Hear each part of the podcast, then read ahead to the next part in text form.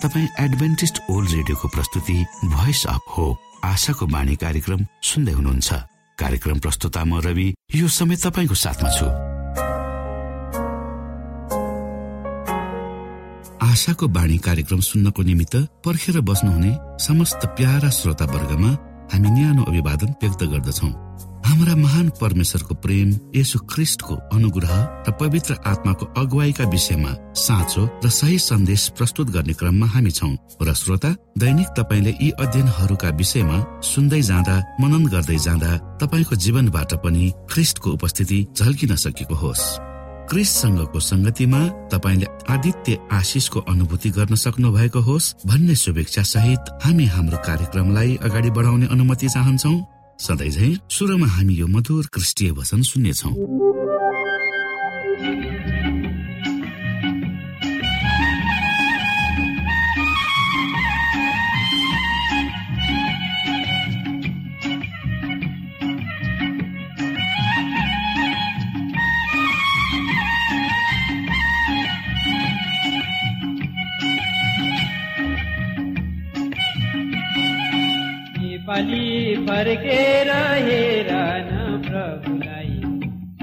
सृष्टिकर्ता सबैको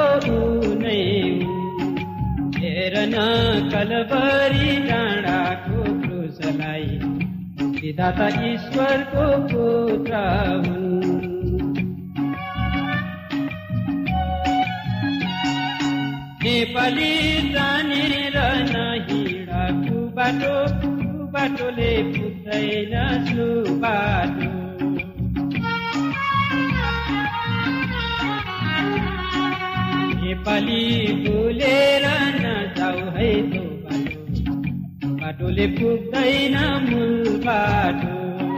नेपाली बोलेर नजाउ है तो बाटो। बाटोले पुग्दैन मूल बाटो।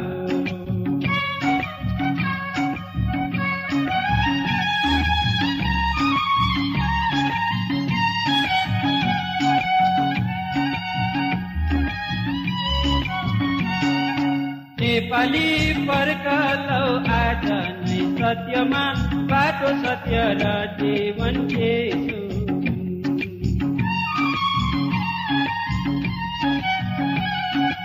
नेपाली गरलौ भरोसा यसोमा। पिउँदाने कुनै नेपाली गरलौ भरोसा यसो। बाट पिउँजाने उनै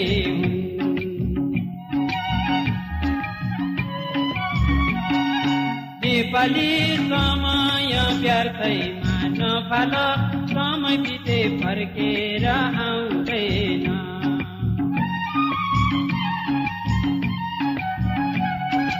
नेपाली फर्कलौ आज नै छैन यो पापी धरतीमा फर्कलौ आज नै छैन यो पापी छैन यो पापी छैन यो पापी यो समय तपाईँ एडभेन्टिस्ट ओल्ड रेडियोको प्रस्तुति भोइस अफ होप आशाको बाणी कार्यक्रम सुन्दै हुनुहुन्छ। श्रोता मित्र यो समय हामी पास्टर उमेश पोखरेलबाट आजको बाइबल सन्देश सुन्नेछौँ। श्रोत साथी न्यानो अभिवादन साथ म तपाईँको आफ्नै आफन्त पास्टर उमेश पोखरेल परमेश्वरको वचन लिएर यो रेडियो कार्यक्रम मार्फत पुनः तपाईँहरूको बिचमा उपस्थित भएको छु। श्रोत मलाई आशा छ तपाईँका दैनिकीहरू ठिकठाकसँग चल्दैछन् र तपाईँले परमेश्वर को हुनुहुन्छ भनेर आफ्नै जीवनद्वारा अनुभव गर्दै हुनुहुन्छ। श्रोता आउनुहोस् आजको प्रस्तुतिलाई पस्कनुभन्दा पहिले म परमेश्वरमा अगुवाईको लागि बिन्ती राख्नेछु। जीवी जिउँदो महान दयालु परमेश्वर प्रभु यो रेडियो कार्यक्रमलाई म तपाईँको चरणमा राख्दछु। यसलाई तपाईँको राज्य र महिमाको प्रचारको खातिर प्रयोग गर्नुहोस्। ताकि धेरै मानिसहरूले यो कार्यक्रम मार्फत तपाईँलाई चिन्न सकुन् तपाईँलाई देख्न सकुन् र तपाईँको राज्यमा प्रवेश गर्न सकुन्। सबै बिन्ती प्रभु यीशुको नाममा। आमेन।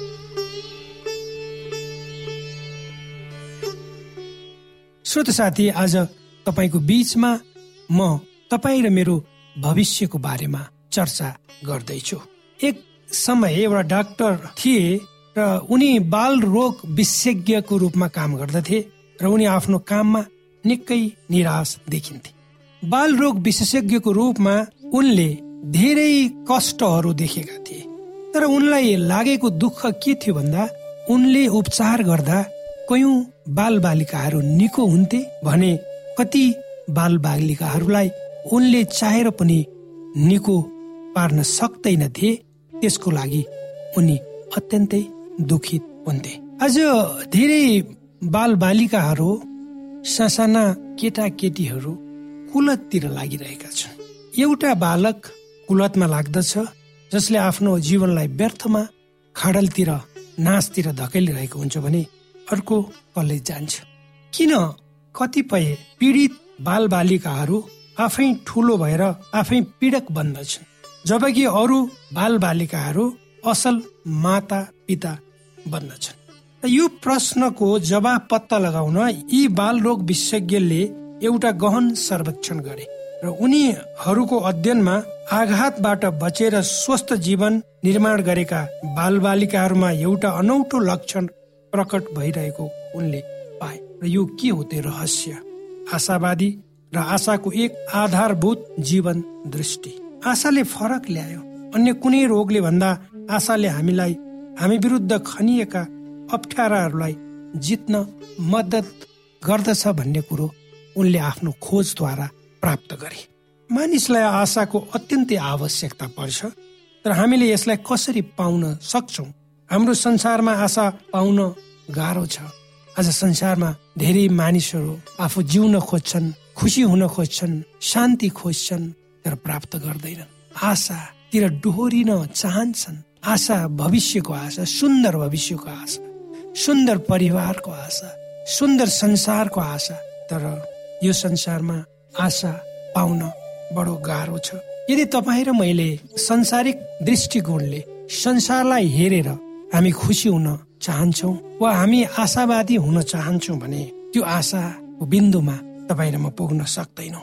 तर श्रोता यदि तपाईँले यसलाई बाइबलीय दृष्टिकोणले हेर्नुभयो भने तब हामीले भविष्यमा आशाको संकेत हामीले सहजै पाउन सक्छौ अनुभव गर्न सक्छौ। हाम्रो भविष्यको कुरा भविष्यमा के हुन्छ हाम्रो आउने सन्ततिहरूको अवस्था के हुन्छ भन्ने कुराले मानिसहरू सधैँ चिन्तित भइरहेका छन् र हामी पनि छौँ। आजको संसारको घटनाक्रमलाई तपाईँ हामीले हेऱ्यौँ भने हामी सबैतिर निराशाले छाएको सहजै अनुभूति गर्न सक्छौँ। यदि तपाईँ र म एउटा भविष्यको आशाप्रति सुनिश्चित हुन चाहन्छौँ भने हामीले बाइबल धर्मशास्त्रमा हामीले खोज्नु पर्दछ।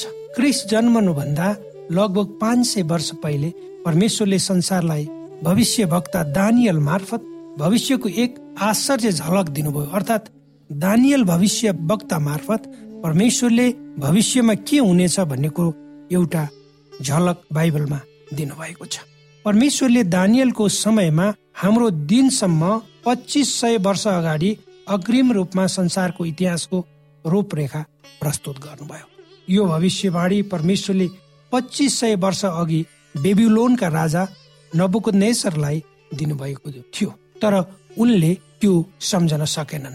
बेबिलोनका बुद्धि माने व्यक्तिहरूले राजालाई उनको सपना सम्झन वा त्यसलाई व्याख्या गर्न मदत गर्न असफल भएपछि दानियल नाम भएका एकजना निर्वासित हिब्रूले यो दावी गर्दै राजाको सामुन्य आए र भने कि स्वर्ग परमेश्वरले सबै रहस्य प्रकट गर्न सक्नुहुन्छ। राजाका अगाडि उभिएर दानियलले साथ साथ घोषणा गरे। त्यसलाई हामी पवित्र धर्मशास्त्र बाइबलको पुरानो नियमको दानियल भन्ने पुस्तकको दुई अध्यायको एकतिसदेखि पैतिससम्म हामी पाउँछौँ र यसलाई म यहाँ पढ्छु। श्रोता दानियल दुईको एकतिसदेखि पैतिस।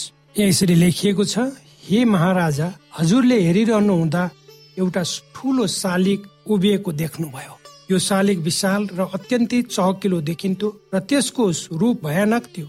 त्यस शालिगको टाउको निखर सुनको त्यसका छाती र हातहरू चाँदीका त्यसका पेट र तिग्राहरू काँसाका त्यसका गोडाहरू फलाम र त्यसका खुट्टाहरू केही फलाम र केही माटोका थिए। हेरिरहनु हुँदा चट्टानबाट एउटा ढुङ्गा काट्यो तर मानिसको हातद्वारा होइन।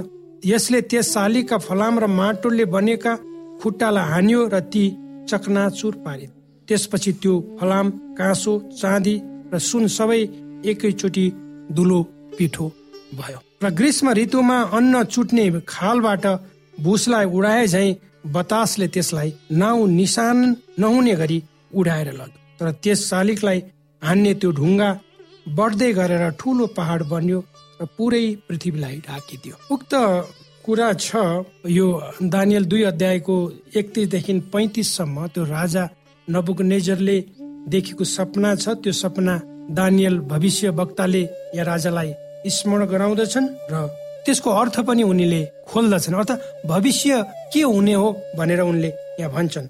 सपना यही थियो र अब महाराजलाई यसको अर्थ बताउने छौ।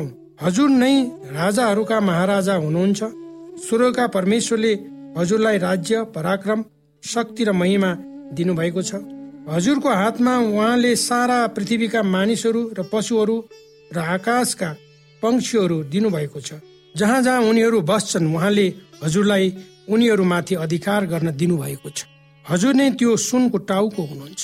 त्यसपछि उनले अगाडि भन्छन् दैन्य दुईको उन्चालिसमा हजुर पछि हजुरको भन्दा अलिक कमजोर राज्य खडा हुनेछ। त्यसपछि काँसोको तेस्रो राज्यले सारा पृथ्वीमाथि अधिकार जमाउनेछ। अन्त्यमा फलाम जस्तै बलियो चौथो राज्य आउनेछ। किनभने फलामले सबै थोक चकनाचुर पारी दिए झै त्यसले अरू सबैलाई तोडफोड गरी तितर बितर पार्नेछ। हजुरले यसका खुट्टा र औलाहरू केही माटोले केही फलामले बनेको देख्नु भए झै यो विभाजित राज्य हुनेछ। त्यही पनि यसमा केही मात्रामा फलामको बल हुनेछ जसरी हजुरले फलाम माटोसित मिसिएको देख्नुभयो। जसरी ती औंलाहरू केही फलाम र केही माटोका थिए। त्यसरी नै यो राज्य केही बलियो केही सजिलैसित टुक्रिने हुनेछ हजुरले फलाम माटोमा मिसिएको देख्नु भए झै मानिसहरू पनि मिश्रित जाति हुनेछन् र एकतामा रहने छैनन् जसरी फलाम माटोसित मिल्न सक्दैनन्। अगाडि उनी भन्छन् यी राजाहरूले समयमा स्वर्गका परमेश्वरले एउटा राज्य खडा गर्नुहुनेछ जुन चाहिँ कहिले नष्ट हुने छैन न त यसको सार्वभौमिकता अरू कुनै जातिको हातमा दिइनेछ। यसले यी सबै राज्यहरूलाई चकनाचुर पार्नेछ र अन्त्य गर्नेछ तर यो राज्य चाहिँ सदा सर्वदा रहिरहनेछ। हजुरले देख्नु भएको ढुङ्गाको अर्थ यही हो जुन चाहिँ मानिसको हातद्वारा नकाटिकनै पहिरोबाट आएको थियो। त्यो ढुङ्गा जसले फलाम काँसो माटो चाँदी र सुनलाई पिठो पारिदियो। महान परमेश्वरले महाराजालाई भविष्यमा हुने कुराहरू देखाउनु भएको छ। त्यो सपना सत्य हो र यसको अर्थ विश्वासयोग्य छ। तब राजा नबुकनेजरले दानियलको अगाडि घोप्टो परि दण्डवट गरेर तिनलाई आदर गरेर र साथै तिनलाई भेटी र धुप चढाउन पनि हुकुम गरे। राजाले दानियललाई भने साँच्चै नै तिमीहरूका परमेश्वर देवताहरूका पनि परमेश्वर र राजाहरूका प्रभु र रहस्य खोलिदिने हुने हुनुहुन्छ। किनभने तिमीले यो रहस्य खोल्न सक्यो। तब राजाले दानियललाई उच्च पदमा राखे धेरै बहुमूल्य उपहारहरू दिए। उनले तिनलाई बेबिलोनका समस्त प्रदेशमाथि शासक बनाए र त्यहाँका सबै ज्ञानी पुरुषहरूका प्रधान तुल्याए। त्यसबाहेक दानियलको अनुरोधमा राजाले सद्रक मेसक अग्निगोलाई बेबिलोनको प्रदेशमाथि प्रशासक नियुक्त गरे। डानियल आफै चाहिँ दरबारमा नै रहे। श्रोत साथी हामीले यहाँ राजा नबुक नेजरले देखिएको सपना र त्यसको अर्थ कसरी दानियल भविष्यवक्ताले सपना के हो त्यो बताएर त्यसको अर्थ पनि यहाँ खोलेको हामी पाउँछौँ।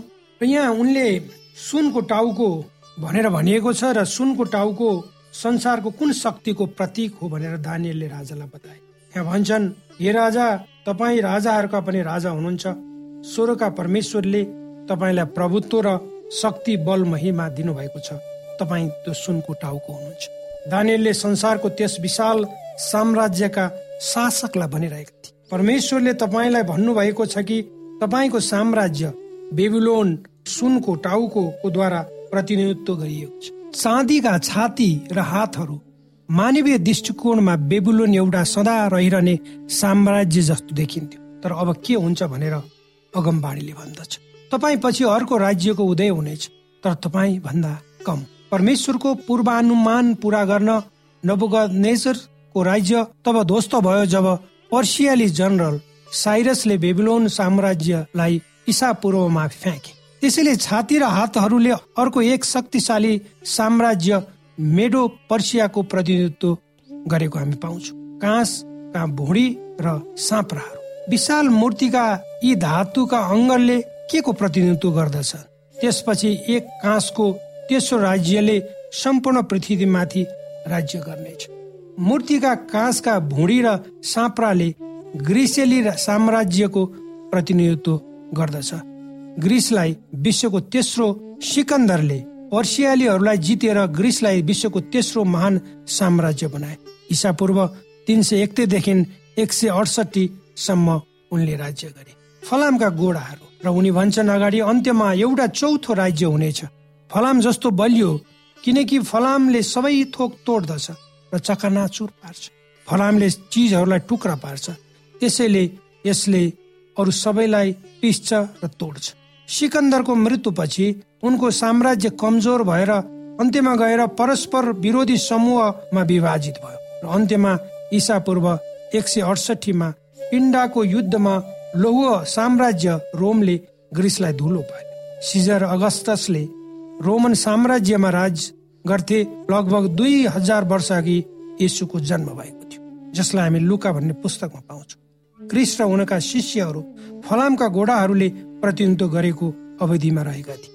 अठारौँ शताब्दीका इतिहासकार गिबोनले निसन्देह दानियलको भविष्यवाणीलाई दिमागमा राखेरै यो लेखी राष्ट्र र तिनका शासकहरूको प्रतिनिधित्व गर्न सुन चाँदी वा पितलका चिन्हहरू रोमको लौह राजतन्त्रले सफलतापूर्वक भत्कायो। एडबर्ड गिबोन रोमन साम्राज्यको पतनको इतिहासमा उनले लेखेका छन्। मानवीय दृष्टिकोणबाट तपाईँ र मैले केही समय हामी सोच्न सक्छौ। दानियलले कसरी भविष्यमा सयौं वर्ष कतिवटा साम्राज्य एकपछि अर्को आउँछ भन्ने थाहा पाए होलान्। स्टक मार्केटमा अर्को साता के हुन्छ भन्ने कुरा जान्नको लागि हामीलाई निकै गाह्रो पर्छ।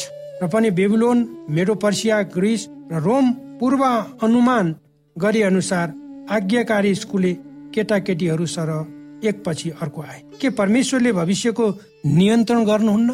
के हामी उहाँको व्यापक योजनामा आशा गर्न सक्छौ?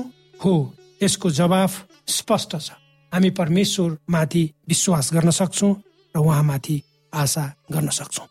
परमेश्वरले यो वचन मार्फत तपाईँ र मलाई आशिष दिउन्।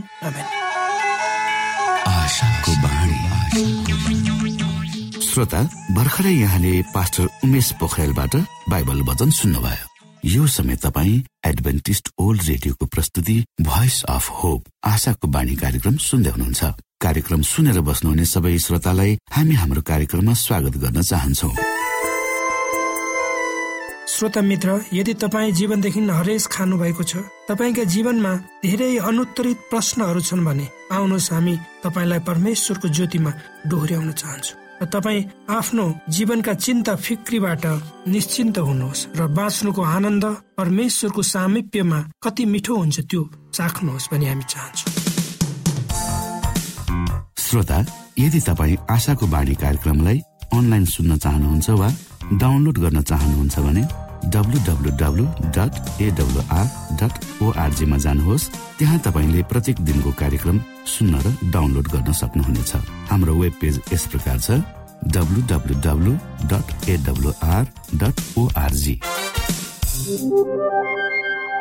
श्रोता यदि तपाईँ हामीसित सिधै फोनमा सम्पर्क गर्न चाहनुहुन्छ भने हाम्रा नम्बरहरू यस प्रकार छन्। अन्ठानब्बे एकसाठी पचपन्न शून्य एक सय बिस। अन्ठानब्बे एकसाठी पचपन्न शून्य एक सय बिस। र अर्को अन्ठानब्बे अठार त्रिपन्न पन्चानब्बे पचपन्न। अन्ठानब्बे अठार त्रिपन्न पन्चानब्बे पचपन्न। यो आशाको बाणी रेडियो कार्यक्रम हो। म प्रस्तुता धनलाल राई यहाँहरूलाई यस कार्यक्रममा न्यानो स्वागत गर्दछु। आजको समसामयिक विषयको प्रस्तुतिमा उद्देश्य प्रेरित पुनर्जन्म देश देशभरका आत्मा परिवर्तनका कथाहरू प्रस्तुत छ स्वीकार्नुहोस्। पुनर्जन्म देश देशभरका आत्मा परिवर्तनको कथाहरूमा जिद्दिवाल श्रीमती आन्द्रु मेकचेस्नी श्रोत साथी जेलिन्डो यो या यो इष्ट टिमुरका साहु व्यापारी थिए। उनी इष्ट टिमुरको लोसपालो आइतबारे चर्चमा जाने गर्थे। तर जब आइतबार होइन शनिबार नै बाइबलले सिकाएको साबत हो भनेर विश्वास गरेपछि आइतबार चर्च जान छोड्ने कुरा उनले आफ्नो श्रीमतीलाई सुनाए। तपाईँ बौलाउनु भयो कि क्या हो? पहिला तपाईँले नै दुईवटा त्यति ठुला पसलहरू शनिबार बन्द गर्नुभयो अब फेरि तपाईँ त चर्च नै छोड्ने भनेर भन्नुहुन्छ किन? मैले बाइबलमा सत्य कुरो भेटाएँ भनेर जेलिन्डोले सुनाए तर उनकी श्रीमती रुल्सले उनको कुरा सुन्न चाहिनन् त्यसो भए अबदेखि तपाईँ आफ्नै बाटोमा हिँड्नुहोस् र म मेरै बाटोमा हिँड्छु उनले धम्क्याउँदै भनिन्। तिनले आफ्नो श्रीमानको निम्ति खाना पकाउन पनि छोडिन्। कहिलेकाहीँ त घरभित्र चुक्कुल लगाएर तिनले आफ्नो श्रीमानलाई घरमा पस्न पनि दिइनन्। जेलिन्डोले रुँदै प्रार्थना गरे होइन मलाई यो के भइरहेको छ? मैले बाइबलमा सत्य कुरा भेटाएर त्यसको पालना गर्दा मेरी श्रीमती त मलाई नै त्याग्न खोज्छिन् बाइबलले सिकाएको साबत पालना गर्दा मैले यो कस्तो अभिगत सहनु परेको हो? बिहान बिहानै डुल्स ठुलो विशाल बजारमा जान्थिन् तर जेलिन्डो घरमा सानो छोरालाई स्याहार गरेर बस्थे। अनि दिउँसोदेखि राति नौ बजेसम्म जेलिन्डो पसलमा काम गर्न जान्थे। त्यस बेला भने उनकी श्रीमती घरमा आएर सानो छोरोलाई स्याहार्थिन् एक दिन बिहान जेलिन्डोले प्रार्थना गरे हे प्रभु मैले मेरो आइतबारे चर्च छोड्नु नै पर्छ भने मेरो जीवनमा कुनै अचम्मको काम गरेर छोडाउनुहोस्। जब त्यो दिन दिउँसो जेलिन्डो पसलमा गए तब त्यहाँ उनकी श्रीमती डुल्स बाइबल पढिरहेको देखेर उनी चकित भए। उनी केवल चर्च मात्र जान्थिन् तर बाइबल कहिले पनि पढ्दिनथिन्। उनले प्रकाश बाह्र अध्यायमा उल्लेखित स्त्री र शैतान रूपी अजिङ्गरको बारेमा पढिरहेकी थिइन्। प्रिय तिमीले पढेको तिमीले बुझिनौ भने म तिमीलाई व्याख्या गरेर बुझाउन चाहन्छु। जेलिन्डोले भने डुल्सले आफ्नो हात डेस्कमा बजारिन्। त्यसले ग्राहकहरूको ध्यान उनीतिर मोड्यो। तब रुँदै डुल्सले भनिन् ती आइतबारे क्रिस्चियनहरूले हामीलाई किन झुट बोले? यो सत्य कुरा तिनीहरूले हामीबाट किन लुकाए? जेलुन्डीले आफ्नो श्रीमतीलाई अङ्गालो मार्दै मनमनै परमेश्वरलाई धन्यवाद दिँदै प्रार्थना गरे मेरो प्रार्थना सुन्नु भएकोमा धन्यवाद प्रभु। आज मैले अचम्मको काम देखेँ अनि त्यो साता शनिबारको दिन पहिलो पल्ट पुरै शनिबार सेभेन द एडभान्टेज चर्चमा गए। पछि जेलिन्डो र उनकी श्रीमती डुल्स दुवैले एडभान्टेज चर्चमा बत्तिसमा लिए। वर्ष बयालिसका जेलिन्डोले भने तिनले आफ्नो काममा परमेश्वरको महिमा गरेको हुनाले उहाँले विश्वासै गर्न नसकिने गरेर आशिष दिनुभएको छ। तिनीहरूले आफ्नो विशाल बजारमा रक्सी जाँड चुरोट कफी र चिया समेत बेच्न छोडे। आफ्ना कर्मचारीहरूको निम्ति तिनीहरूले नियम पनि परिवर्तन गरे। कर्मचारीहरूलाई तलब मात्र होइन खाने बस्ने पनि व्यवस्था गरिदिए। हरेक बिहान र बेलुका परमेश्वरको आराधना गर्न तिनीहरूले ती कर्मचारीहरूलाई बोलाए। हप्ताको एक दिन बेलुका बाइबल अध्ययन गर्न पनि तिनीहरूलाई अनुरोध गरे। प्रत्येक दिन जेलिन्डो यसरी प्रार्थना गर्छिन्। प्रत्येक दिन जेलिन्डो यसरी प्रार्थना गर्छन्। मेरो यो व्यापारको धन्दा तपाईँको महिमाको निम्ति प्रयोग गर्न चाहन्छु। तपाईँतिर मानिसहरू ल्याउन मलाई सहयोग गर्नुहोस्। पसलका कर्मचारीहरू बाइबल अध्ययन गर्न थालेपछि छक्क पर्न थालेका छन्। तिनीहरू जेलिन्डोसँग यस्तो भन्छन् बाइबलबाट तपाईँले के सिकाइरहनु भएको छ? यो त साँच्चीकै सत्य पो रहेछ। आफूले आशा गरे भन्दा धेरै परमेश्वरले उनको व्यापारलाई आशिष दिनुभएको छ भनेर जेलिन्डोले खुसी हुँदै यी लेखकलाई सुनाए।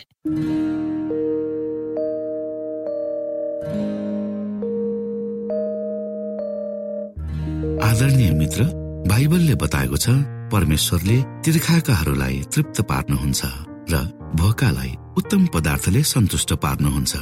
हामीलाई दिइएको यो छोटो समय आशाको बाणीको प्रस्तुतिको समयमा हामीले हाम्रा श्रोताको आत्मिक भोकलाई केही मात्रामा भए तापनि सही प्रकारको खोराक पस्केर आत्मिक सन्तुष्टि दिन सकेका छौँ केही ऊर्जा थप्न सकेका छौँ भनेर हामीले आशा राखेका छौँ।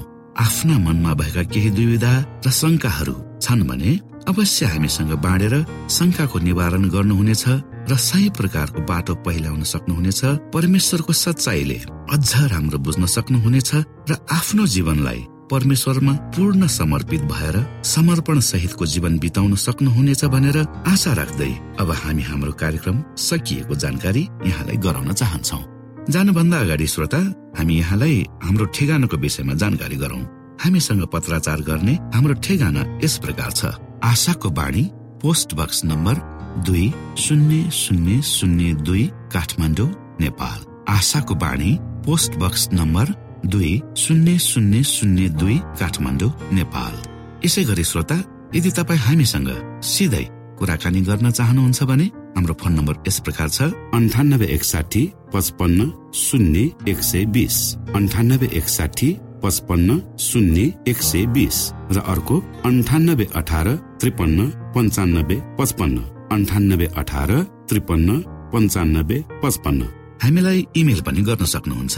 हाम्रो इमेल एड्रेस यस प्रकार छ Nepal at AWR dot ORG Nepal at AWR dot ORG यदि तपाईँ हामीलाई अनलाइन सुन्न चाहनुहुन्छ वा डाउनलोड गर्न चाहनुहुन्छ भने तपाईँ W W W dot AWR dot ओआरजीमा जानुहोस् र त्यहाँ तपाईँले हाम्रा सबै कार्यक्रमहरू सुन्न सक्नुहुनेछ। हाम्रो वेब पेज यस प्रकार छ W dot AWR dot ORG श्रोता यसमा गएर तपाईँले हाम्रा दैनिक कार्यक्रमलाई सुन्न सक्नुहुनेछ र डाउनलोड पनि गर्न सक्नुहुनेछ। हवस् त श्रोता हाम्रो कार्यक्रम सुनिदिनु भएकोमा एकचोटि फेरि यहाँलाई धन्यवाद दिँदै भोलि फेरि यही स्टेशन यही समयमा यहाँसँग भेट्ने आशा राख्दै प्राविधिक साथी राजेश पास्टर उमेश पोखरेल र कार्यक्रम प्रस्तुता म रवि यहाँसँग विदा माग्दछौ। परमेश्वरले तपाईँलाई धेरै धेरै आशिष दिनु भएको होस्। नमस्कार।